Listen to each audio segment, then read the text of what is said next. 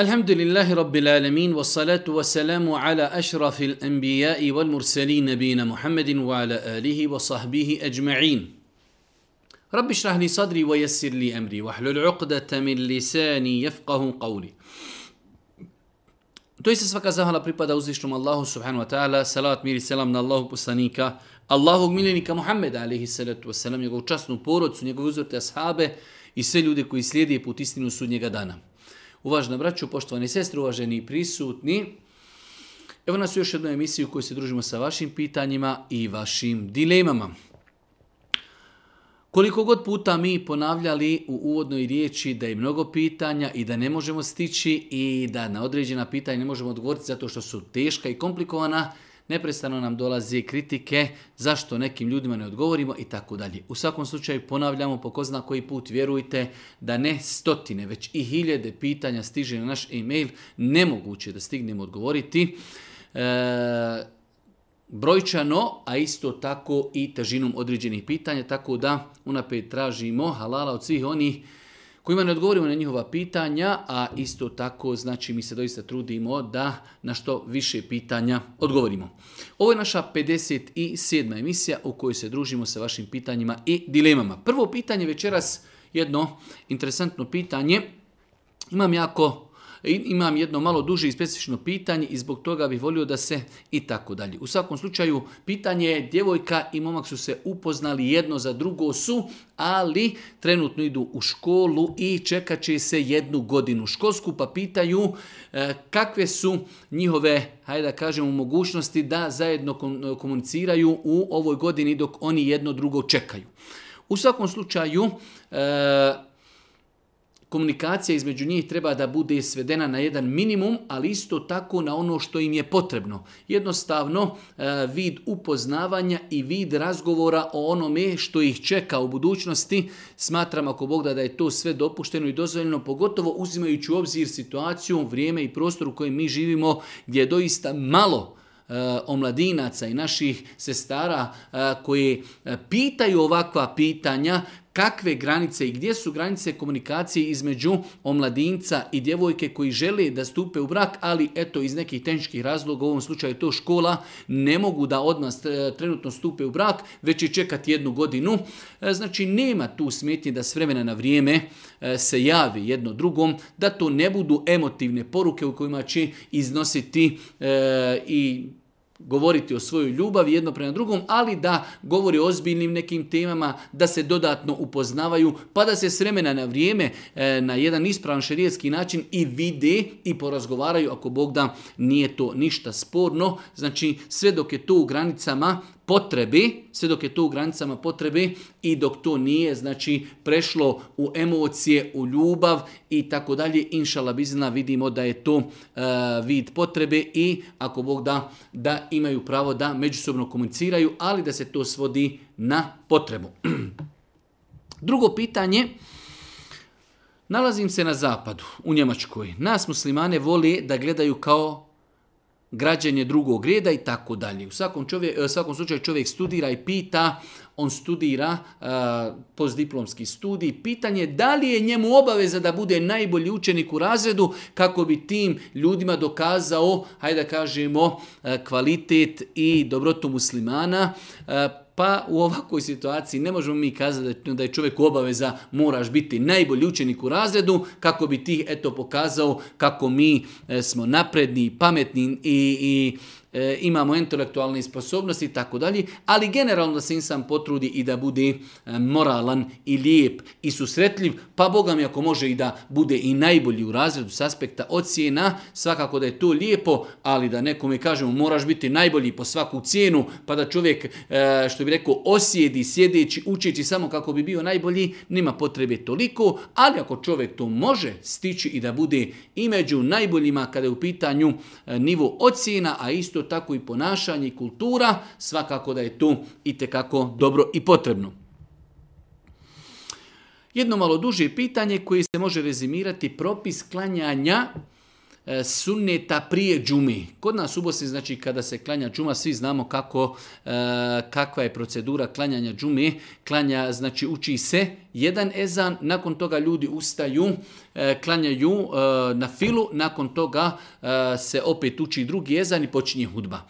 Može li se klanjati ova na fila prije džumi? Uz pomoć nema smetnje da čovjek klanja. Nima smetje da čovjek klanja zato što je to vrijeme e, u kojem se može klanjati opća na fila, ali ne s uvjerenjem i ubjeđenjem da su to neki posebni sunneti vezani za džumu. Ne. Osoba koja želi da klanja u tom vremenu kada se prouči prvi ezan u našim džamijama e, petkom, e, može ustati klanjati opću na filu ali isto tako da to ne radi kontinuirano. Pa će nekada klanjati, nekada sjediti, nekada doviti, nekada donositi salavate, nekada učiti Kur'an i tako dalje, kako neko ne bi shvatio da je to neki vid obaveze i potvrđenog sunneta. Znači prije džume ne postoje e, određeni sunneti. Već čovjek kada uđe u džamiju klanja tahijetul mesčid i koliko još hoće da klanja na fili. Tako da i kada se prouči prvi ezan, nema smetnji da čovjek ustane i klanja dva rekiata, ako može će selam pa klanjati još dva rekiata, nema smetnji. Nekada će sjediti i doviti, nekada sjediti i zikriti, nekada učiti kur, a nekada nositi salavate na Božji poslanika, ali i ratu sram, ali rekli smo s uvjerenjem da je to općana fila, a ne nešto što je precizirano kao sunneti koji se klanjaju prije džumi. Četvrto pitanje, Kaže, pokrila sam se prije tri mjeseca, hvala Allahu, do tada sam čupala obrve redovno. Kada sam stavila svoj hijab, više ne čupam. Međutim, mom mužu smeta to što ja ne čupam obrve i tako dalje. Pa je pitanje da li žena može čupati obrve na inicijativu ukrašavanja svome mužu, uljepšavanja svome mužu, e, radi naučni E, da kažemo, dosljednosti treba spomenuti da je dio učenjaka, pa ne samo dio učenjaka, velik dio učenjaka smatrao da je ženi dozvoljeno da malo urijedi svoje obrve, ako je to s ciljem e, sređivanja svome mužu, uljepšavanja svome mužu, ali Allah najbolje zna argumenti koji ukazuju na zabranu čupanja obrva su općeniti, tako da je dio učenjaka smatrao da ženi bez obzira e, što želi time da pridobije hajde da kažemo, pažnju svoga muža i da se njemu dodatno dotjera da to nije dozvoljeno. Pogotovo kad su u pitanju žene koje ne nose nikab, žene koje ne nose nikab, pa će to njeno uljepšavanje vidjeti ljudi na ulici, pa će to vidjeti i ljudi na ulici, e, tako da moj savjet je da to ne treba činiti. Svakako da čovjeku treba lijepo pojasniti da je to Allah poslanik ali se letu zabranio i sam muž ne bi trebao da priželjkuju svoje supruge nešto što je njoj u osnovi zabranjeno. Osim ovdje postoji jedna klauzula da zaista ako bi se radilo, a nekada je to situacija, da su to ogromne, velike, velike obrve koje su znači, hajde kažemo, upadne. Jednostavno toliko su velike da su upadne. U tom momentu žena znači da možda malo samo dotjera e, obrve da ih dovede na neku normalnu situaciju kao u svih drugih žena. Nadamo se da u takvoj situaciji nije griješna. U protivnom, znači, treba na lijep način čovjeku pojasniti da to što je radila prije e, stavljanja mahrami, da nije bilo ispravno, sada je stavila mahramu i znači odlučila da, to na, da ne radi više takve stvari i nadamo se ako Bog da, će muž razumjeti jer je u pitanju ipak jedna e, velika stvar Božih poslanika ali se letu se nam strogo, strogo je zabranio strogo je zabranio čupanje obrva, tako da nadamo se, inšala, da taj muž će imati razumijevanja prema svojoj supruzi. Pitanje broj pet. E, kako postupiti sa jednom hamajlijom koju mi je majka kupila na čarši ili negdje na pjec prije nekih 15 godina i tako dalje. E, one male starinske hamajlice koje su kao jedan mali, mali, mali, mali mushaf. Šta sa time urati? To je znači najbolje se riješiti takvih stvari svih vrsta hamajlija, talismana, zapisa, da se takve stvari zapali. Tako da e, bilo kakva hamajlija, bilo kakav talisman, bilo e, šta iz tog iz tog poglavlja, znači čovjek će se riješiti takvih stvari tako što će ih zapaliti. Jedno pitanje, interesantno pitanje, živim sa porucom Austriji i prije nekoliko mjeseci smo se preselili u jednu vrstu stana gdje smo morali u zalog dati određenu e, sumu novca da bi iznajmili taj stan. U suštini da bi koristili taj iznajmljeni stan morali smo dati 35.000 eura i tako dalje. Pitanje je, da li čovjek kada toku godine obračunava svoj zekijat, mora računati i taj novac koji je dao u zalog. A taj novac, u osnovi njegov novac kako piše ovdje, koji kada čovjek napusti stan, oni će mu vratiti taj novac. E, islamski učinjaci su kazali u, islamskom fiku pravu postoji jedno poglavlje zalog, rahan pa su kazali kada insan založi određenu stvar, da li je u pitanju zlato ili srebro, pa čak i stoka. Jer čovjek može nekada čovjeku založiti kaže evo, uzmem od tebe nešto, u zalog stavljam stotinu grla ovaca, krava, deva i tako dalje. Pa su kazali da je obaveza vlasniku imetka koji je svoj imetak stavio negdje u zalog, jer je tu osnov njegov imetak, vratit će se njemu, kad tad, pa su kazali da je njemu obaveza da izdvaja zekijat na takav imetak. E sada, ako bi se desilo čovjek kaže ja doista nemam drugog imetka osim tog imetka koji je založen, a, tamo osoba kod koji sam to založio ne želi da mi dopusti da koristim taj imetak, onda su kazali islamski učenjaci, čovjek će izdvojiti zekijat onda kada taj imetak preuzme. Što znači u ovom slučaju, ovom e, slučaju porodca je založila 35.000 eura da bi koristila određen stan. Svake godine obračunavaju zekijat, oni će u svoj imetak i uračunati 35.000 eura. Kada bi se desilo da kažu mi nemamo novca da možemo izdvojiti zekijat, onda ćemo im kazati sačekajte kada preuzmete taj novac, iz tog novca ćete izdvojiti zekijat koji se trebali prije da izdvojite iako Bog da nisu griješni, ali u svakom slučaju rezime je kada negdje položimo svoj novac u zalog, to i dalje naš novac, treba da na njega svake godine izdajemo zekijat, svakako pod uvjetima da je taj novac iznad nisaba i da je pregodinju. Pitanje broj šest. Možete li nam pojasniti ajet وَأَمَّا بِنِعْمَةِ رَبِّكَ i o Allahovim blagodatima kazujte. Gdje je granica između govora o Allahovim blagodatima i nadmenosti? Ili hvali sa istima. Kažu islamski učenjaci, znači pitanje je Allah Žešanu kaže i o Allahovim blagodatima govorite. Dobro, gdje je tu razlika e, da čovjek, ne daj Bože, ne počne se hvaliti na način da jednostavno, da se time, kao što je došlo ovdje, e, znači osjeti nadmenost, E, kako da napravimo razliku u svemu tomi. E, i Ibn Baz i drugi učinjaci su kazali, e, koliko se sjećam čak i Ibn Kethir i drugi mu su kazali, Ibn Qayyim rahmetullahi alihi, da čovjek kada govori o Allahovim blagodatima, pripisujući Allahu, želeći da poveća zahvalnost Allahu, onda je to govor o Allahovim blagodatima. Na ispravan način. Kada čovjek kaže, hvala uzvišenom Allahu, Allah mi je olakšao da položim ispit. Vala uzvišenom Allahu pa mi je podario suprugu. Vala uzvišenom Allahu koji mi je podario porod. Molim Allaha da me učvrsti, da me učini zahvalnim. Molim ga subhanu wa ta'ala da mi podari beričeta u blagodatima. Molim ga da budem zahvalni, i tako dalje.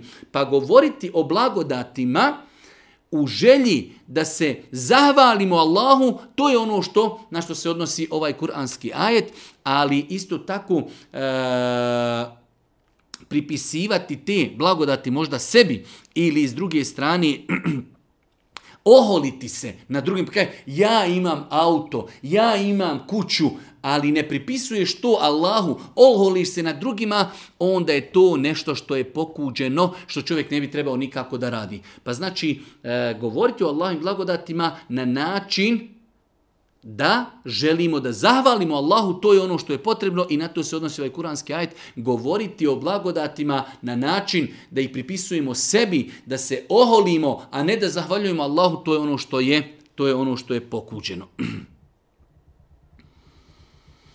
Jedno malo duže pitanje gdje nam jedna sestra spomenula da čitala i slušala je kod nas više puta gdje preferiramo mišljenje da doticanje spolnog organa kvari abdest. Nakon toga je e, kod jednog da je našla kako preferira mišljenje da doticanje spolnog organa ako nije sa strašću ne kvari abdest. Pa je onda došla u jednu dilemu šta sad da odaberim. Znači možemo generalno kazati kako da se ponaša čovjek u situaciji Mnogo je, stotine i hiljede pitanja su pitanja u pogledu kojih islamski učinjaci imaju različite stavove. Pa ćemo doći danas u situaciju da jednog efendiju slušamo gdje kaže određeno pitanje ne može, a sutra čujemo muftiju drugog koji kaže može ili nekog daju, nekog iz Bosne, nekog iz arapskog svijeta, nekog na engleskom jeziku. To je, hajde da kažemo, pa i normalna stvar. Jer fik je prepun pitanja u pogledu koji islamski učenjaci imaju različite stavove. Kako da se ponašam ja kao neko ko nema mogućnost da ta pitanja analizira, da ih vrati na osnovne knjige mezhebske, da analizira dokaze i tako dalje. Pa su kazali islamski učenjaci osoba koja ima kompetenciju da je školovana, da jednostavno ima tu naučnu kompetenciju da može analizirati dokaze, ona će analizirati dokaze jednih učenjaka drugih i odabraće mišljenje. Kada je u pitanju, da kažemo, obična masa, ljudi koji jednostavno, čovjek inženjer, čovjek doktor, čovjek automehančar, čovjek električar, on nema kompetenciju da čita dokaze, u pitanjima gdje se ulema razisla, takvom čovjeku, kažu su učenjaci, treba kazati da pita najpovjeljiviju i najučeniju osobu koju zna i da prihvati njeno mišljenje. Nakon toga, ako čuje neko drugo mišljenje, kaže ja sam čuo od svog autoriteta, on je za mene autoritet, on je za mene učen, on je za mene e, kompetentan i ne želim više da se umaram takvim pitanjima. Tako da insan, znači kad su pitanju e, pitanja u pogledu kojih učenjaci imaju različite stavove, upitaće onoga koji je za njega najučeniji i najpovjerljiviji. Šta mu on kaže, on će potom i raditi i neće se više osvrtati na druga mišljenja. E, jedno malo duže pitanje. Radim posao vozača u BiH i često idem na put i tako dalje. U svakom slučaju pitanje je da li je obaveza Musafiru da klanja džumu i da li može nakon džumije klanjati, spojiti Kindiju sa džumom. E, to su dva pitanja. Znači, da li Musafir koji putuje dalje od 80 km od mjesta gdje živi ili mjesta gdje radi, E, da li je njemu obavez da klanja džumu i s druge strane, dobro, ako je već klanjao džumu, klanjao dva rekiata, može li odmah spojiti i kindiju i da nastavi putovati? Prva stvar, islamski učenjaci kažu, Allah poslanik ali se letu selam putovo je mnogo puta i na hađ i na umru i u vojne pode, i nikada nije zapamćeno da je Allah poslanik na putovanju klanjao džumu. Samim tim kazali su da čovjek kada je safir, nije mu obavez da klanja džumu. Znači nije mu obavez da klanja džumu. E sad, Čovjek jednostavno, pogotovo kada idemo kroz Bosnu, vidi džamiju, zna da je e, 1 i 10, 1 i 15, ima mogućnost da parkira kamion, da se zaustavi, da pristupi džematu i da klanja sa, njima džumu, njegova džuma je inšala validna, ali mu nije obaveza. To je jedna stvar. E sada, ako je već klanjao musafir džumu, može li sa njom spojiti i kindiju? Allah najbolje zna, postoji razilaženje kod islamskog učenjaka, ja lično sam stava da ne može. Znači, džuma... E, se razlikuje od podnije u velikim, u velikim pitanjima, tako da e, po meni je neispravno kazati kao što možemo spojiti kindiju i podni možemo spojiti i kindiju sa džumom. Ja sam lično stava, znači da čovjek kada je na putu, ako klanja džumu, nastavit će dok nastupi kindija, pa će onda se negdje zaustaviti i klanjati kindiju, Ne može spojiti i kindiju sa podni namazom, ali rekli smo da je to pitanje u pogledu kojeg postoji razilaženje i ako vidite nekog insana da spaja ja možete sa njim porazgovarati, ali možda je pitao nekoga ko zastupa mišljenje da se može podni spojiti sa, e, da se može i kindija spojiti sa džumom, pa i po tome i postupa. Ja lično sam stava da džuma se ne može spojiti sa ikindijom. Naručila sam kurban i isti ja neću zaklati. Da li se za mene važi propis neskraćivanja noktiju prilikom klanja kurbana. Znači imamo generalno propis, braću moja dragi i sestre, da Allah poslanik Ali Selcanu i Rodosinu od Isma kazao kada nastupi mjesec Zulhidže, evo nastupit će za neki ne znam tačno e, koliko, e, otprilike dana, za nekih e, sedmicu. Ako Bog da dana nastupa mjesec Zulhidže, Allah poslanik je kazao kada nastupi mjesec Sulhidže, oni koji žele klati kurban i znaju da će klati kurban, neka ne skraćuju, neka ne skraćuju svoje nokte i neka ne skraćuju svoju kosu. Tako da, e, ispravno je da se ovaj propis odnosi samo na vlasnika kurbana. Bez obzira da li će vlasnik kurbana e, klati lično kurban ili ne. Pa primjer radi, kada bi imali čovjeka koji živi u Beču ili živi u Parizu, ili živi u Americi. Ne može on u Beću zaklati kurban, pa je nazvao nekog prijatelja rođaka u Bosni i kaže Allah te nagradio, poslaš ti pare, zakolji za mene kurban. Da li se na njega odnosi ovo, ovaj propis? Da. Jer je on vlasnik kurbana. Osoba koja kolje za njega kurban je opunomoćenik. I taj propis se ne odnosi na opunomoćenika. Taj njegov rođak ili prijatelj koji kolje za njega kurban, na njega se to ne odnosi već se odnosi na vlasnika kurbana. Tako da, znači kada imamo osobe koji su u Americi, u Australiji, u Europi, ne mogu oni lično klati kurban, već su kurban uplatili u Africi, u Bosni, u Sanđaku, u Albaniji, u Makedoniji, na njih se odnosi ovaj propis, znači prije nego što nastupi mjesec Zulhidže treba lijepo da potkrate svoje nokte, e, da depiliraju svoje dlake i da do dana Bajrama, do klanja kurbana ne krate više nokte, niti da krate svoju kosu. Tako da u ovom slučaju e, ova sestra kaže, ona je naručila kurban, ali ga ona neće klati. E, da li se na nju odnose propisi? Da, odnose se na nju, pošto je ona vlasnica kurbana. Da li je halal tetoviranje kuranskih ajeta na tijelu? Dva pitanja. Tetoviranje i tetoviranje kuranskih ajeta. Generalno gledajući, tetoviranje u islamu jedan od velikih grijeha. Allah poslanik ali se se prokleo je onoga ko tetovira i onoga ko se tetovira. Imamo, znači, kada čovjek tetovira na svojoj ruci nešto, on je proklet i proklet je onaj koji ga tetovira. To su dvije osobe prokrete. E, vjerodostojnim hadisima Božih poslanika, ali se letu E sada, tetovirati kuranske ajete je dodatni grijeh, jer je to vid ponižavanja, izigravanja i omalovažavanja Kur'ana.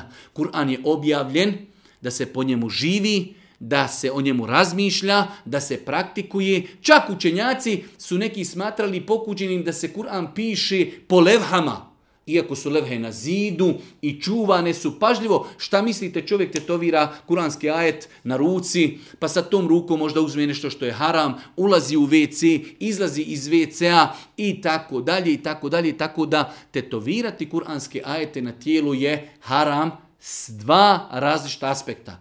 Prvo što je to tetoviranje, s druge što je to omalovažavanje Kur'ana, Allahovog govora. Tako da, nikako ne dolazi u obzir da se čovjek tetovira haram je, a još gori od svega toga to je dupli grijeh da tetovira kuranske ajete. Interesuje, da li je dozvoljeno davanje imena bebama koje je jedno od 99 Allahovi lijepi imena, na primjer El Halim i tako dalje. Znači mi znamo da uzvišnji Allah ima svoja lijepa imena, da li čovjek može dati e, svome djetetu neku od lovite imena? Pa su kazali islamski učenjaci e, da je lijepo da se pridoda na neku od Allahovi subhanahu wa imena riječ abd, pa da postani, znači kao što je primjer radi Ar-Rahim, Ar-Rahim milostivi, samilosni, uzvišeni Allah je Ar-Rahim. Pa ćemo mi na to ime dodati Abd, Abdur Rahim, Abdu El Aziz, Abdurrahman, Abdullah i tako dalje. To je lijepo. E sada, da li je obaveza? Kazali su islamski učenjaci, obaveza je ako se radi o Allahovim imenima koja se eksplicitno vezuju za Allaha. Allah je haliko, stvoritelj. Ne možemo mi čovjeku nati ime halik, nikako. On samo može biti abdul halik, rob onoga koji stvara. Ili ar-razak, onaj koji daje rizk na faku. Samo čovjek može biti abdur razak, ne može biti razak. E, znači, ako imamo, hoćemo nadjeti svome djetetu ime. Želimo da mu nadjenemo ime, e, jedno od imena uzvišenog Allaha tebara, ta'ala gledamo u značenje. Pa ako to ime ima značenje, kao što je ovdje spomenuto, el halim, blagi, da li je blago specifično samo za Allaha ili mogu i ljudi biti blagi? Mogu ljudi biti blagi. Pa je onda dozvoljeno da nadijemo čovjeku ime El Halim, samo, ili Halim, ili Ar-Rahim. Čovjek može biti milostiv. Čovjek može biti i ponosit i tako dalje. Ali eh, El Halik, stvoritelj, tu moramo dodati Abdul Halik. Pa znači, ako značenje imena je nešto što je specifično, eksplicitno vezano za Allaha, onda moramo prije tog imena dodati prefiks abd. Abdul Khaliqo. Nadam se, inša da smo razumjeli odgovor. 13. pitanje. E, kada se zakasni na sabah namaz, prilikom, e, pritom se probudimo, se tačno kada nastupi izlazak sunca. Da li klanjati odmah ili sačekati dok sunce oskoči? Jer sam čula da tada ne valja klanjati u tom periodu. Osoba prespavala i ustaje u vremenu kada po vakti piše da sunce izlazi. Da li ćemo odmah klanjati ili čekati da sunce oskoči? Klanjat ćemo odmah. Zašto? Zato što Boži poslanik kaže u od hadisu kada insan prespava. Ili kada zaboravi namaz, neka klanja kada se sjeti ili kada se probudi. To je naredba Božih poslanika. To je jedna stvar. Druga stvar, vremena u kojima je zabranjeno klanjati se odnose na vrijeme opće na fili. Znači, od izlaska sunca pa dok sunce ne oskoči u visini jednog koplja, što je znači 15 minuta, zabranjeno je klanjati opću na filu a nikako da je zabranjeno klanjati farz koji nismo uspjeli klanjati. Tako da ako se desi nekome, ako bi rekli da sunce izlazi u 6 sati i mi smo ustali 5 do 6, dok se abdestimo već znači mislimo da sunce izlazi, bez obzira mi ćemo stati i mi ćemo klanjati zato što ta zabrana se odnosi na opću na filu, a ne na farze. S druge strane, poslanik je jasno kazao neka insan klanja kada se sjeti ili kada se probudi. Tada je nama nastupilo naše namasko vrijeme. Pitanje broj 14. Da li stariji ljudi koji imaju totalnu protezu za zube treba da skidaju prilikom uzmanja abdesta? Nema potrebe. Nema potrebe da ljudi koji imaju takozvane, znači vještačke ili kako su ovdje već kazani, e, socijalni zubi, vještački zubi, e, ako želi zbog higijeni da izvadi zube, da ih, hajde da kažemo, operu ili četkicom ili rukama, mogu, ali kao vid obaveze ne. Prvo iz razloga što generalno ispiranje usta prilikom abdesta nije obaveza, već je to pohvalan čin, a s druge strane e, i e, nama je naređeno i islamu da uzmemo vodu i da je promučkamo u ustima. Tako da mi smo radili ono što, što je od nas se tražilo, to što imamo u ustima, vještačke zube, to ne sprečava da mi uzmemo vodu u usta i da je promučkamo i da je ispljunemo. Allah poslanik ali se letu znači nije zabilježeno e, vjerodostojnim predajima da je svaki put kada bi bi abdestio, imao je prst na svo, e, prsten na svome prstu, da bi svaki put pomirao prsten i da bi vodu, hajde da kažemo, dostavljao do mjesta ispod prstena. Sodno tome, islamski učenjaci kažu, kažu da i osoba koja ima znači e, zube koji su, evo kako god hoćete, i proteze ili vještački ili socijalni, e, znači nije mu obaveza da ih vadi prilikom uzimanja abdesta.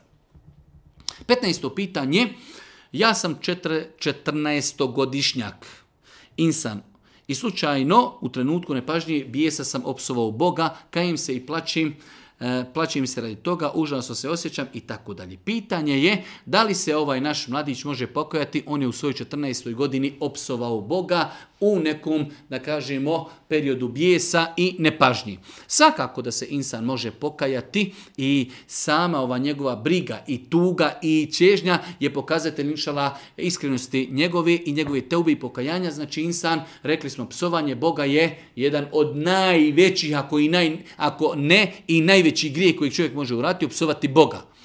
Psovanje Boga je po konsenzusu islamskog činjaka grijeh koji izvodi čovjeka iz vjeri, ali isto tako kao što se može pokajati onaj koji je 30 godina bio nemusliman, pa mu kažemo bujrum primi islam, isto tako je ako insan kao musliman uradio nešto zbog čega je izišao iz vjere, može uraditi teubu i pokajanje i inšala bizla, nadamo se ako njegova teuba bude iskrena i potpuna sa uvjetima koji smo više puta spominjali, da ako Bog da, znači uzviši Allah mu oprosti grijeh i da nastavi ako Bog da živjeti, hajde da kažemo, ne osrčući se na taj grijeh kojeg je uradio.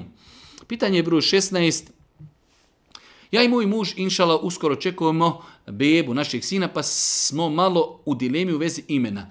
E, nama se sviđa ime Ejub, ali nismo sigurni zbog značenja i tako dalje. Praću, moja draga, jedno od pravila kada su u pitanju nadjevanje imena djeci jeste da je lijepo i pohvalno nadjenuti djetu ime poslaničko. Ejub je poslaničko ime. Allah Đeršanu e, Ejuba e, spominje u Kur'anu na više mjesta. Tako da e, čitati sad tamo neke, da kažemo, e, knjige i čitati neke, e, pa čak na kraju krajeva i da i nazovemo riječnike o značenju poslaničkih imena nima potrebi. Ibrahim se Boži poslanik je bio poslanik, pa kada je dobio muško dijete, nadio mu ime Ibrahim. Po Ibrahimu se salatu wasalam, tako da pohvalno i lijepo djetetu dati poslaničko ime bez gledanja u značenje tog imena. Znači pohvalno i lijepo i tako da u ovom slučaju dati djetetu ime Ejub nema ništa sporno, čak šta više ljepše je dati djetetu iz respekta prema ashabima, znači e, iz e, respekta prema poslanicima, dati ime poslaničko, nego mu dati neko drugo ime. Tako da nema nikakve smetnje dati djetetu ime od nekog poslanika. Sam Muhammed Ali Selam, kada mu se rodilo muško dijete, svom djetetu je dao ime Ibrahim.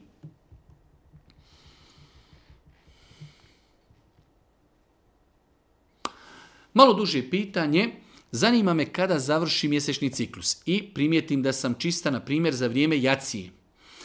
Da li moram da, ako trebam imati odnos sa suprugom, uzeti gusul, pa imati odnos, pa ponovo uzeti gusul i klanjati jaciju, ili, na primjer, okupati se običnim kupanjem, kako kažem, istuširati se e, bez pranja kose i tako dalje. Pitanje je, žena koja je e, završila sa mjesečnicom, a u vremenu je jacijsko želi da ima intimni kontakt sa svojim čovjekom, da li treba da se potpuno okupa, pa može da ima intimni kontakt, pa nakon toga da se ponovo okupa od džunupluka, pa da klanja jaciju namaz. Ili može samo od tog, hajde da kažemo, eh, od mjesečno da se nako istušira, ali da ne pere glavu, pa da ima intimni kontakt sa svojim čovjekom, pa da nakon toga se kupa od džunupluka, E, ispravno je da mora da se okupa potpunim kupanjem. Znači žena koja je vidjela e, znake da je njena mjesečnica završila u e, periodu jacije, Ona treba da se okupa od, znači, od mjesečnici potpunim kupanjem, kako smo više puta pojašnjavali, što obuhvata da mora skvasiti cijelo svoje tijelo, da ispere usta i nos, da ima namjeru, da želi da podigne od sebe i da odstrani od sebe pravnu nečistoću, u ovom slučaju nečistoću e, završetka mjesečnici. Nakon toga, ako želi, može imati intimni kontakt sa svojim čovjekom, može klanjati jaciju. Ako ima intimni kontakt, onda ponovo nakon intimnog kontakta treba da se okupa i nakon toga da klanja jaciju. Svakako treba da pazi, e, jacija namaz ne treba da se odgađa do iza pola noći. Pogotovo u ljetnom periodu, znači e, od jacije do pola noći je izuzetno kratko vrijeme, tako da e, osoba u ovakvim situacijama najprioritetnije nakon prvog kupanja dobro je da obavi jaciju, nakon toga ako želi da ima intimni kontakt i nakon toga da se okupa ili da se kupa pred sami sabah. U svakom slučaju, znači da odgovorim na pitanje, osoba koja je e, vidjela znake prestanka mjesečnici u jacijskom periodu, treba da se okupa potpuno, potpuno, nakon toga ako želi da klanja ili ako želi da ima intimni kontakt, ako ima intimni kontakt onda se ponovo mora okupati, nakon toga klanjati jaciju namaz. Babo je rahmetli ubijen 90. godina u agresiji na BiH. Ne mogu reći da je bio vjernik koji je klanjao i išao u džamiju, iako je njegova majka redovno klanjala, znači upućen je u vjeru ali ponekada je pio alkohol. Klanjao je kurban i bio je dobar insan. Redovno dovin za njega i tako dalje. U svakom slučaju, e, kako se opoti prema osobama koje su preselile u takvom nekom halu i stanju, sve dok su se one deklarisale kao muslimani. Imale od islama nešto, evo ovdje je kurban, možda je tu bio i neki dan koji se postio, možda neka džuma, možda neki namaz, la ilaha illallah, Muhammedu Rasulullah, neki zikrullah i tako dalje. To je znači dokaz i pokazatelj da su ti ljudi da su ti ljudi bili u nekoj najširoj granici islama, uzimajući opet u obzir neznanje koje je bilo prisutno u tom vremenu, tako da e, dozvoljeno je inšala bizna za takve ljude e, činiti i sadaku i dovu i moliti Allah te da im oprosti, i ako se može za njih obaviti hađ i tako dalje, znači sve ono što možemo obaviti za našeg medjita, dati sadaku, pokloniti učenje Kur'ana, obaviti hađ, obaviti umru i tako dalje. Znači bitno je da se čovjek deklarisao kao musliman, nije se deklarisao kao ateista, znači znači jednostavno bitno je da se deklarisao kao musliman i da je pri sebi imao nekih dijela kojim, kojima je potvrđivao taj islam. Da je govorio la ilaha da je ponekada klanjao kurban, da je ponekada išao na bajram, da je ponekada išao na džumu, da je ponekada klanjao namaz, da je ponekada postio, sve to čini tog čovjeka ako Bog da muslimanom. Prvih osam dana pred Kurban Bajram, da li mogu biti dani koje ja kao neko ko je dužan posti mogu iskoristiti tu svrhu. Znači rekli smo za nekih sedam dana, osam dana nastupa na mjesec Zulhidje. I ti prvi deset dana Zulhidjeta su najbolji dani u toku godini. Znači u toku godine najbolji dani su prvih deset dana Zulhidjeta, a najbolji noći su zadnja trećina mjeseca Ramazana. Tako nam kaže e, šehul Islam ibn Taymiyyah rahmetullahi alihi. E sada, u ti prvih deset dana pohvalno je i postiti.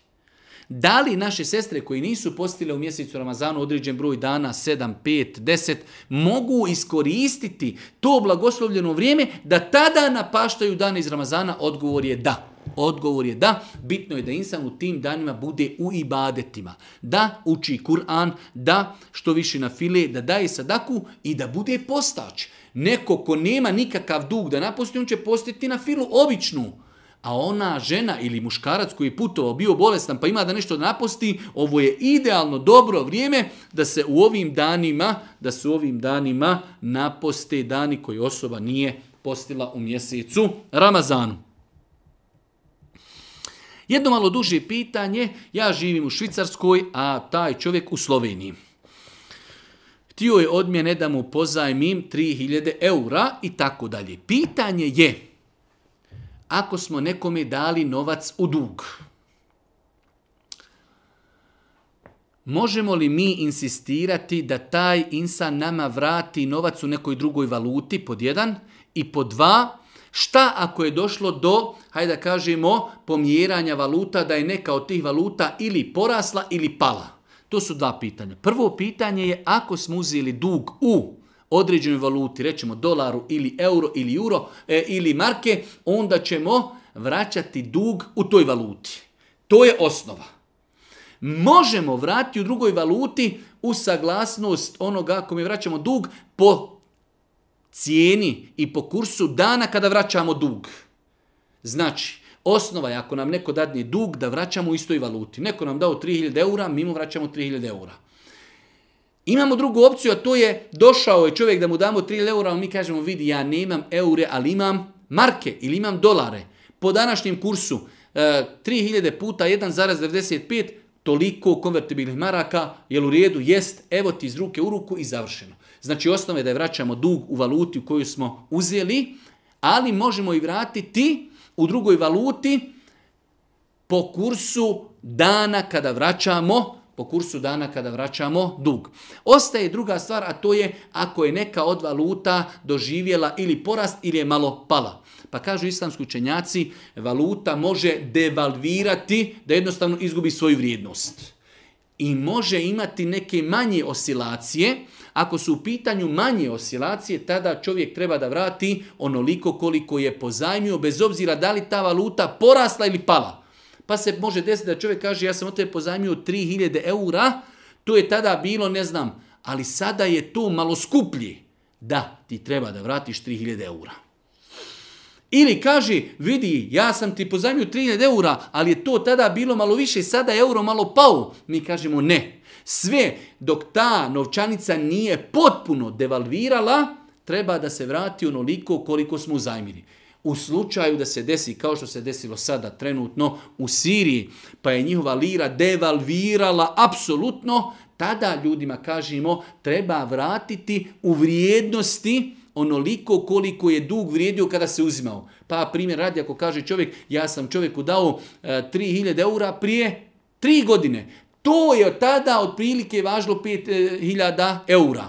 Sada je ova valuta pala. Dobro, mi mu kažemo onda daj mu u protuvrijednosti te druge valute. Znači imamo, kada su u pitanju devalvacije, ako je e, neka valuta malo porasla ili malo pala, mi vraćamo onoliko koliko smo pozajmili. Ako smo pozajmili 5000 eura, vraćamo 5000 eura bez obzira euro poskupio ili pao. Ali ako je valuta totalno devalvirala, nema više nikakve vrijednosti, onda se vraćamo na vrijeme kada smo uzajmili novac, koliko je to odgovaralo zlatu ili nekoj drugoj valuti i toliko ćemo čovjeku vratiti. Nadam se da smo tu razumjeli. Da li je haram da se bavim hirurgijom, torakalnom, grudnom? koja podrazumije da prije operacije žena mora biti potpuno bez odjeće i tako dalje. U svakom slučaju, da li muškarac može operirati žene, žene u predjelu grudi? Svakako, e, svi znamo da je avret ženi, znači e, sve mimo lica i šaka, a po nekom dijelu čenjaka i lice i šaka su Operacija žena u osnovi kada se operiše trebala bi da je operiše žena, jer je manji stepin da žena ženi gleda avret nego da joj gleda muškarac. To je jedna stvar. Druga stvar, ako žena ne može da nađe, kaže operaciju vrši doktor, nema žene, tada će operaciju raditi muškarac iz razloga što je znači e, vraćamo se da li je ta operacija potreba. Ako je ta operacija potreba da bi se spasio život ili imamo e, veliko poremećenje, potrebu, onda će tu operaciju raditi muškarac i takav posao je inšala onda halal. Znači osnova je da muškarac treba da operira muškarce, žena operira žene.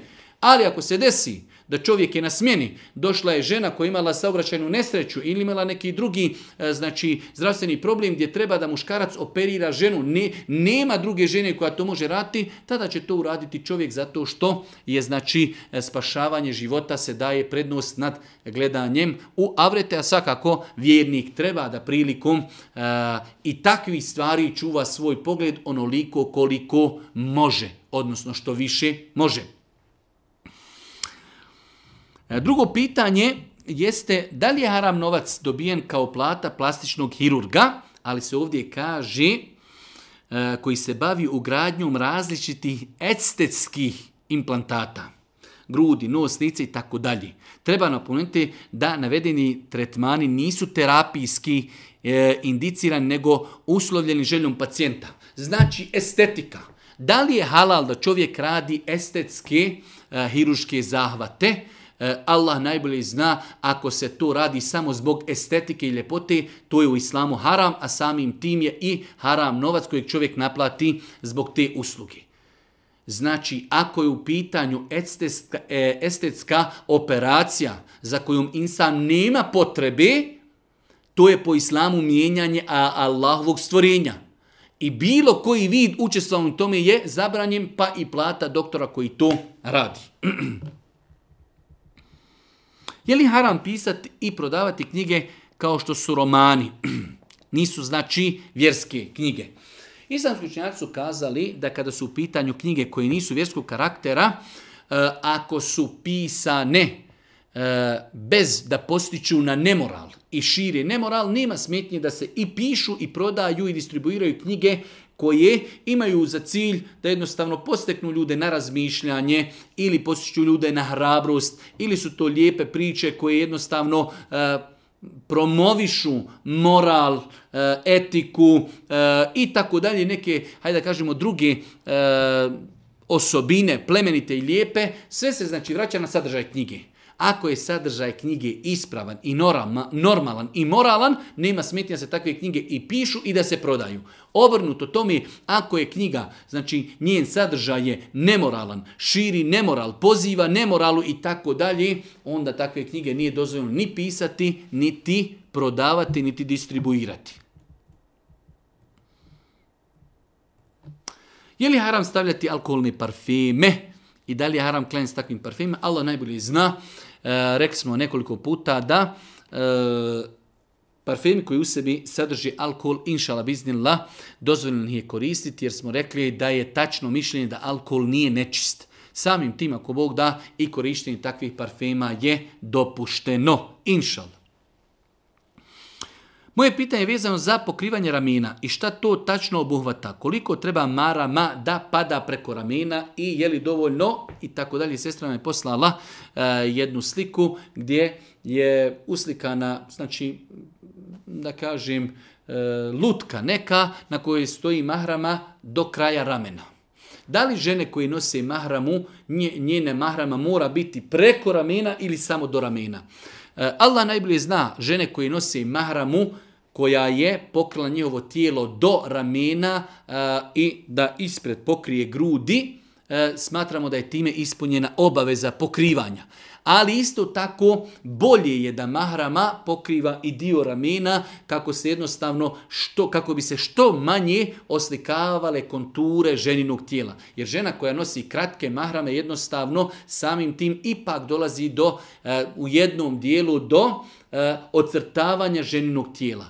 Ispravno, da žena nosi kraću mahramu koja dolazi do kraja ramena, ali isto tako bolje je, bolje je da žena nosi duže mahrame koje će pokriti dio, znači i ramena i samim tim i bolje će pokriti prednji, a i zadnji dio ženinog tijela. Brate, da te pitam u vezi zvijezda padalica i šta znači za onoga koji vidi čisto? Ne znači ništa. To što čovjek vidi često zvijezdu padalcu u islamu ne znači ništa. Uzvišnji Allah je spomenuo zvijezde u Kur'anu i spomenuto je da postoje tri razloga zbog čega je Allah stvorio zvijezde kao ukras nebu. Jer kako bi nebo izgledalo monotono da nema zvijezda. Ali zvijezde su ukras nebu. Zvijezde su orijenti ljudima prilikom putovanja prije znači ovog vremena prije e, mapa i prije savremenih ovih načina određivanja e, strana svijeta, e, ljudi su mnogo, mnogo olakšano putovali i orijentirali se naspram zvijezda. I treća stvar da je uzvišen tala stvorio zvijezde kako bi čuvale nebo od šeitana koji prisluškuju informacije sa neba, pa kada vidimo da zvijezda znači da zvijezda gori i pada, to je gađanje šeitana. Tako da, e, znači, da li osoba koja je često, desilo mu se u sedam dana vidio dvije, tri, znači zvijezde padalce, da li to nešto znači prema islamu, ne znači ništa. S tim što postoji jedna predaja od ashaba koji se zove Ebu Katade, da su jedne prilike vidjeli kako pada zvijezda, pa su ljudi pratili pogledom taj pad zvijezde, pa im je on rekao, nama je bilo zabranjeno. A sahabi kada kažu bilo nam zabranjeno, to misli zabranjeno da saba Božijeg poslanika, nama je bilo zabranjeno, kaže, svojim pogledom pratimo padanje zvijezde. Tako da, e, znači, insan ako baš želi da, da, da, hajde da kažemo, e, živi po sunnetu, kada vidi padanje zvijezde, ne treba da se okreta, okreće i da svojim pogledom prati padanje, padanje zvijezde. Želim da pitam da li je ispravno u islamu kada beba napuni godinu dana da ju se sjeće kosa i tako dalje. Ne postoji argument u sunetu Božih poslanika niti u Koranu e, da postoji određena posebna procedura koja se, e, da kažemo, procedura, ceremonija, ritual koji se pravi kada dijete napuni godinu dana. Ono što je propisano u islamu jeste da kada se rodi dijete sedmog dana po rođenju, da se djetetu nadjene ime, da mu se zakolje akika i da mu se obrije kosa. To je ono što je po islamu sve mimo toga ili može biti običaj ili može biti slijedjenje nekih drugih naroda, tako da to insan treba svakako izbjegavati. Znači, e, ko hoće da upotpuni sunet božih poslanika kada se rodi beba sedmog dana, ako može zaklaći akiku, za muško dijete dvije ovce, a za žensko jednu, e, mu ime e, i a, treća stvar jeste da se obrije glava i u protuvrijednosti težini kosi da udjeli sadaku. Svakako, svakako e, prije toga po dijelu učenjaka lijepo je kad se dijete tek rodi da mu se prouči ezan na desno uho. Kako će roditelj postupiti kada dijete u školi uči da je čovjek nastao od majmuna i da postoji majka priroda? Kako će postupiti? Postupit će svom djetetu pojasniti da je to da laleti zabluda i kazat će sine, vidit, vidiš ovo što vi učite, to je neispravno. Prema islamu i prema e, Kur'anu čovjek je nastao tako što ga je stvorio uzvišeni Allah, tala, prvi čovjek koji je Allah stvorio na zemlji je Adem, alaihi salatu wasalam svaka druga teorija je, znači čisti dalare, čista zabluda, majka priroda ne postoji u tom kontekstu da majka priroda nešto stvara.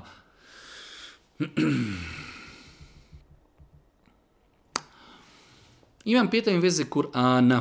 Budući da ne znam arapsko pismo, kupila sam Kur'an sa transkripcijom i privodom. Praktikujem učenje transkripcije, ako to mogu nazvati učenjem i obavezno nakon toga i privod. i tako dalje. Pitanje je da li se može učiti e, Kur'an na transkripciji. Šta je transkripcija? Transkripcija je prisanje arapskih riječi latinicom pa napišemo kul huvallahu ehad allahu samed, a to mi pišemo našim slovima latinicom ili čerilicom. Da li je to ispravno? Nije ispravno prema konsenzusu islamskih učenjaka, tako da ne treba se poigravati sa takvim stvarima. Ljudi koji to štampaju i ljudi koji to distribuiraju, distribuiraju pravi je veliki, veliki propust i veliki grijeh i veliki prekršaj. Znači ljude treba posticati da uče sufaru, ako ne žele da uče arapski jezik i ne moraju, ali da nauče ispravno izgovaranje riječi i da znaju čitati Kur'an putem arapskih slova. Putem arapskih slova. Ako ne znaju tako, onda će učiti sure, tako što će učiti od nekoga ko će izgovarati, oni ponavljati za njim i on će im kazati kako ispravno trebaju da uči. Čovjek koji e, čita transkripcijom napisa naravske riječi pravi velike, velike greške prilikom svoga učenja. Ako možete da mi odgovorite, najme već par mjeseci dovim Allahu za sreću. Ustajem skoro svaku noć na noćni namaz, međutim još uvijek se moje želje nisu ispunile. Zanima me ima li nešto što je dobro proučiti ispunjavanje želja? Treba čovjek samo da nastavi, vjerovati u Allaha, vjerovati u njegovu mudrost. Allah je taj koji zna kada nama treba dati ono što mi tražimo i treba li nam dati uopće. U svakom slučaju čovjek koji dovi, on je u ibadetu.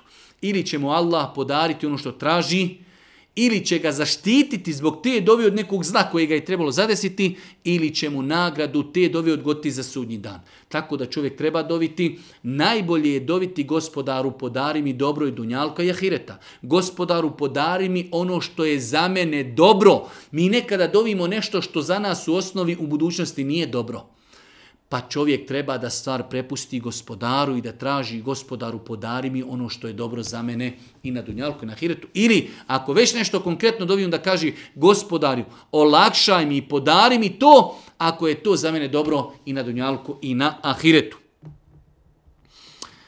Je li muslimanima zabranjeno da se kopaju u sanducima? E, dio islamskih učenjaka naveo je konsenzus, jednoglasan stav da je pokuđeno i zabrajno zakopavati muslimane u sanducima. Znači, dio islamskog činjaka navodi konsenzus da je pokuđeno i zabranjeno zakopavati muslimane u sanducima kao opći propis. E iz svega toga se može izuzeti propis ako imamo vanredne situacije kao što su imali situacije sa koronom ili ako imamo situaciju kada e, čovjekovo tijelo je spaljeno ili možda unakaženo ili pocijepano ili, ili, ili u nekim vanrednim situacijama, ali generalno imamo čovjek je da, da kažemo na normalan način, mi ga normalno kupali, hoćemo ga staviti u sanduk pa ga ukopati, ili ćemo ga samo ukopati bez sanduka i bez tabuta? Da, bez sanduka i bez tabuta. Čak, znači, nije potrebno da se sa mejitom ostavlja u kaburu tabut. Znači, tabut treba koristiti se donese mejit do mezarluka, nakon toga čovjeka treba spustiti na golu zemlju. Na golu zemlju bez tabuta, a još gori od svega toga je spustiti čovjeka u sanduku. Da li je vjerodostojan ovaj hadis od Ebu Hurire se prenosi je poslanik rekao ko uđe u mezarje, zatim prouči Fatihu i Kulhu Valla i El Hakum Tekasura, zatim kaže Allahu moj, ja poklanjam sevap onoga što sam proučio od tvog govora stanovnicima Kaburova, od vjernika i vjernica, oni će mu biti zagovornici kod uzvišnog Allaha. Ovaj hadis kao zabilježi imam Sujutija u knjizi koja se zove tako i tako na stranici toj i toj. U svakom slučaju imam Sujutija i živio u 9. stoljeću po Hidri. 900 godina nakon Božeg poslanika, ali se letu vaselam, imam sujute bio jedan veliki učenjak, ali e, nije on osoba e, koja je bilježila hadise sa lancem da ima svoju zbirku. On je taj hadis citirao u nekom od svojih dijela. E, svakako ovaj hadis je citiran prije toga u nekim e, knjigama fikha, ali generalno je hadis ili je apokrifan ili je na granici da je izuzetno, izuzetno, izuzetno slab, tako da ovaj hadis ne smijemo prepisivati Allahom poslaniku alihi salatu wasalam, da je kazao ko uđe u mezarluke, pa prouči fatihu, pa kulhu valla, pa te kasur onda se vab toga pokloni muslimanima tog mezaristana, kao oni će se za njega zauzimati na sudnjem danu, taj hadis nije dozvoljeno pripisivati Božim poslaniku alihi salatu wasalam, bez obzira što se nalazi u nekim knjigama.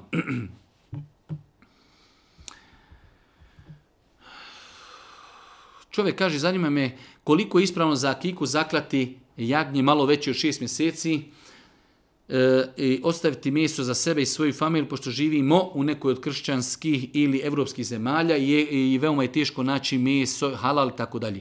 Znači, pitanje da li čovjek može da zakolje janje koje je starije od šest mjeseci za kiku svojom djetu i može li to mjesto ostaviti samo za sebe? E, I jedno i drugo je odgovor da. Može se znači jagnje koje je napunilo šest mjeseci i više zaklati za akiku. E, Prvenstven cilj akike jeste da se e, znači, ajde da kažemo, prolije krv i da se prinese žrtva, da se zakolje takozvani kurban, iako je to akika, za naše novorođenče. Kada je u pitanju meso, lijepo je da čovjek dio tog mesa nekome e, znači, uruči, daruje, da li prijatelju, da li poznaniku, da li majci, da li ocu, da li komšiji, ali isto tako može i Sav dio mesa može ostaviti sebi ili većinski dio mesa da ostavi sebi, ali je lijepo i pohvalno kao vid zahvala Allahu te da zakoljemo akiku i da dio te naše sreći i zadovoljstva s nama neko podijeli, pa da udjelimo dio tog mesa, znači našim komšijama, prijateljima, poznanicima ili nešto slično tome..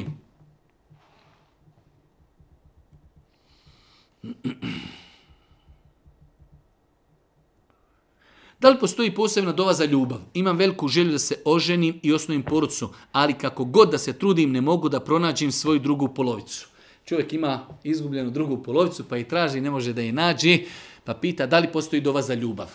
Rekli smo malo prije, čovjek treba da dovi gospodaru, da mu podari ono što je dobro za njega. Tako da nema smetnji da čovjek u svojim dovama kaže gospodaru olakšaj mi obskrbi me, podari mi čestitu hajidli vjernicu, olakšaj mi pronalaženje takve žene e, i tako dalje. Tako da nema smetnja čovjek na svom bosanskom jeziku ili maternjem jeziku, bilo kojem drugom jeziku, zamoli uzvišnog Allah subhanahu da mu olakša pronalazak hajili česti supruge i isto tako da zatraže gospodara da ga obskrbi hajili čestitom pokornom vjernicom.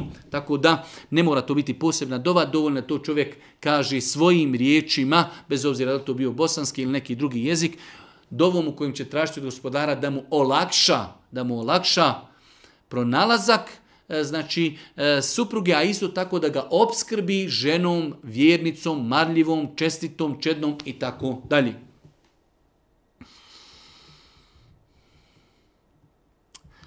Bika mi je preselila 2. maja i 52 dana dolazi 23. juna. Da li valja da se Mevlud pravi kasnije? Jer bi čekala brata da dođe 8. jula.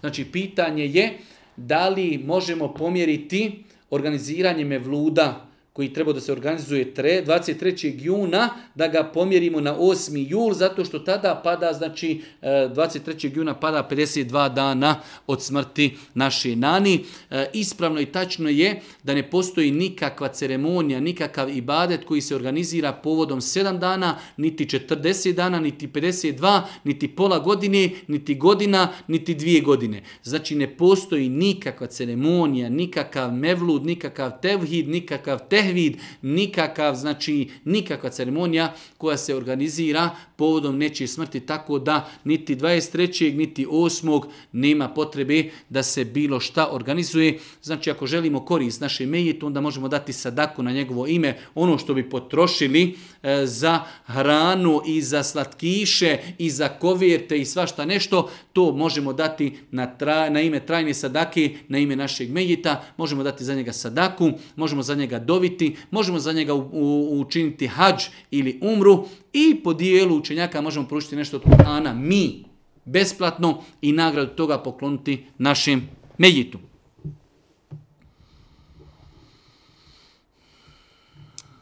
Zanima me da li se može dati zekijat na više strana. Znači osoba koja je izdvojila zekijat, primjer radi čovjek izdvoji zekijat ima 1000 eura zekijata. Da li to mora dati sve jednoj osobi ili može dati na više adresa? A može dati na više adresa. Nema smetnje da čovjek, primjer radi, ako bi rekli da čovjek treba da izdvoji e, 1000 eura zekijata, da kaže ja ću ovo dati na 10 porodica, svakoj porodici koja zaslužuje da ću po 100 eura, nema nikakve smetnje, znači može dati na jednu adresu, a može dati i na više adresa.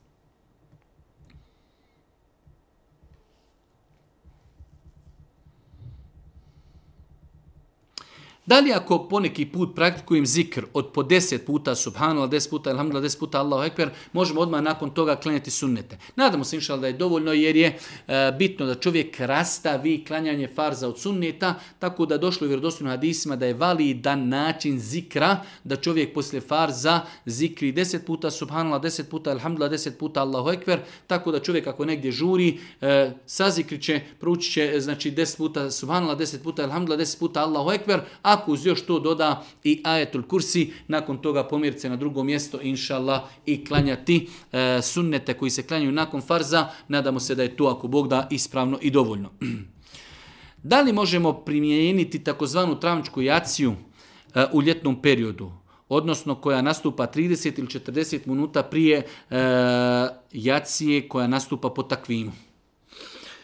Allah najbolje zna čak fetve, znači e, fetve emina koje možemo naći na, na ovcinoj stranci te islamske zajednice, u njima stoji da nema smjetnje da se klanja travnička jacija i da je ta jacija validna i ispravna. Znači, jacija u našim predjelima e, koja se klanja sahat i po nakon akšama, pogotovo ako uzmemo u obzir da sahat i po nakon toga se uči ezan, pa ezan se uči nekoliko minuta, pa nakon toga se klanjaju e, četiri kata sunneta i to traje nekih desetak minuta, samim tim znači mi smo pomjerili, pomjerili smo klanjanje jacije, znači možda sahat 45 minuta nakon akšama, što je inšala biznila svakako dozvoljeno i nadamo se da je već tada jacija nastupila, pogotovo za osobe koje imaju određene potrebe, određene koje imaju određene potrebe, da li posao ili nešto slično tome, e, svakako da se duboko nadamo da je jacija obavljena, znači nakon sahat i po, nakon akšama, da je takva jacija, ako Bog da, ispravna i da je obavljena u namaskom vremenu. Zadnje pitanje. Danas sam čuo da dijete roditelju ne smije učiti jasin i obrnuto. Da roditelj djetetu ne smije da ne smije učiti i to kao sve piše u Koranu. Nije tačno to piše u Koranu. Nema smetnje da dijete prouči svome ocu jasin ali da ne naplaćuje za to pare i da seva po toga pokloni svome ocu. Ne piše o tome ništa u Kur'anu, najlakše uzeti Kur'an pročitati i vidjeti da o tome nigdje ništa ne piše u Kur'anu, ali kao što možemo proučiti suru Jasin, možemo proučiti neku drugu suru i seva nagrad toga da mi darujemo i poklonimo nekom od naših umrlih, da li ocu, da li djetetu, da li majci, da li supruzi ili nekome drugome, nema inšala nikakve smetnje a rekli smo o tome ništa u Kur'anu ne piše. Molimo Allah subhanahu wa da nas učiti na putu istine, nam podari korisno znanje i na kraju subhaneke Allahumma da bihamdike ešhedu en la ilaha instakfiruke ve tubu ilaik.